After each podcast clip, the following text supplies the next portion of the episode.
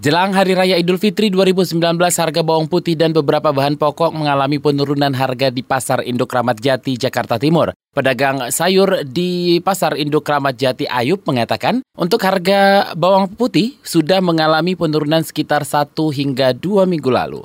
Kalau cutting sendiri kan di atas 40 ya. Kalau waktu sebelumnya itu yang kata anjlok itu sampai 100 ribu. Kalau sekarang udah normal, udah 40-45 lah. Paling mahal 45 lah gitu kan. Karena kan nggak nggak semuanya sama gitu kan harganya.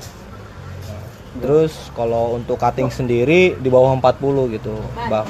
Eh banci. Banci itu di bawah 40 Mengatasi harga yang tidak stabil, pemerintah melakukan import bawang dari China. Selain bawang, pantauan untuk harga cabai stabil tidak mengalami kenaikan dari awal bulan.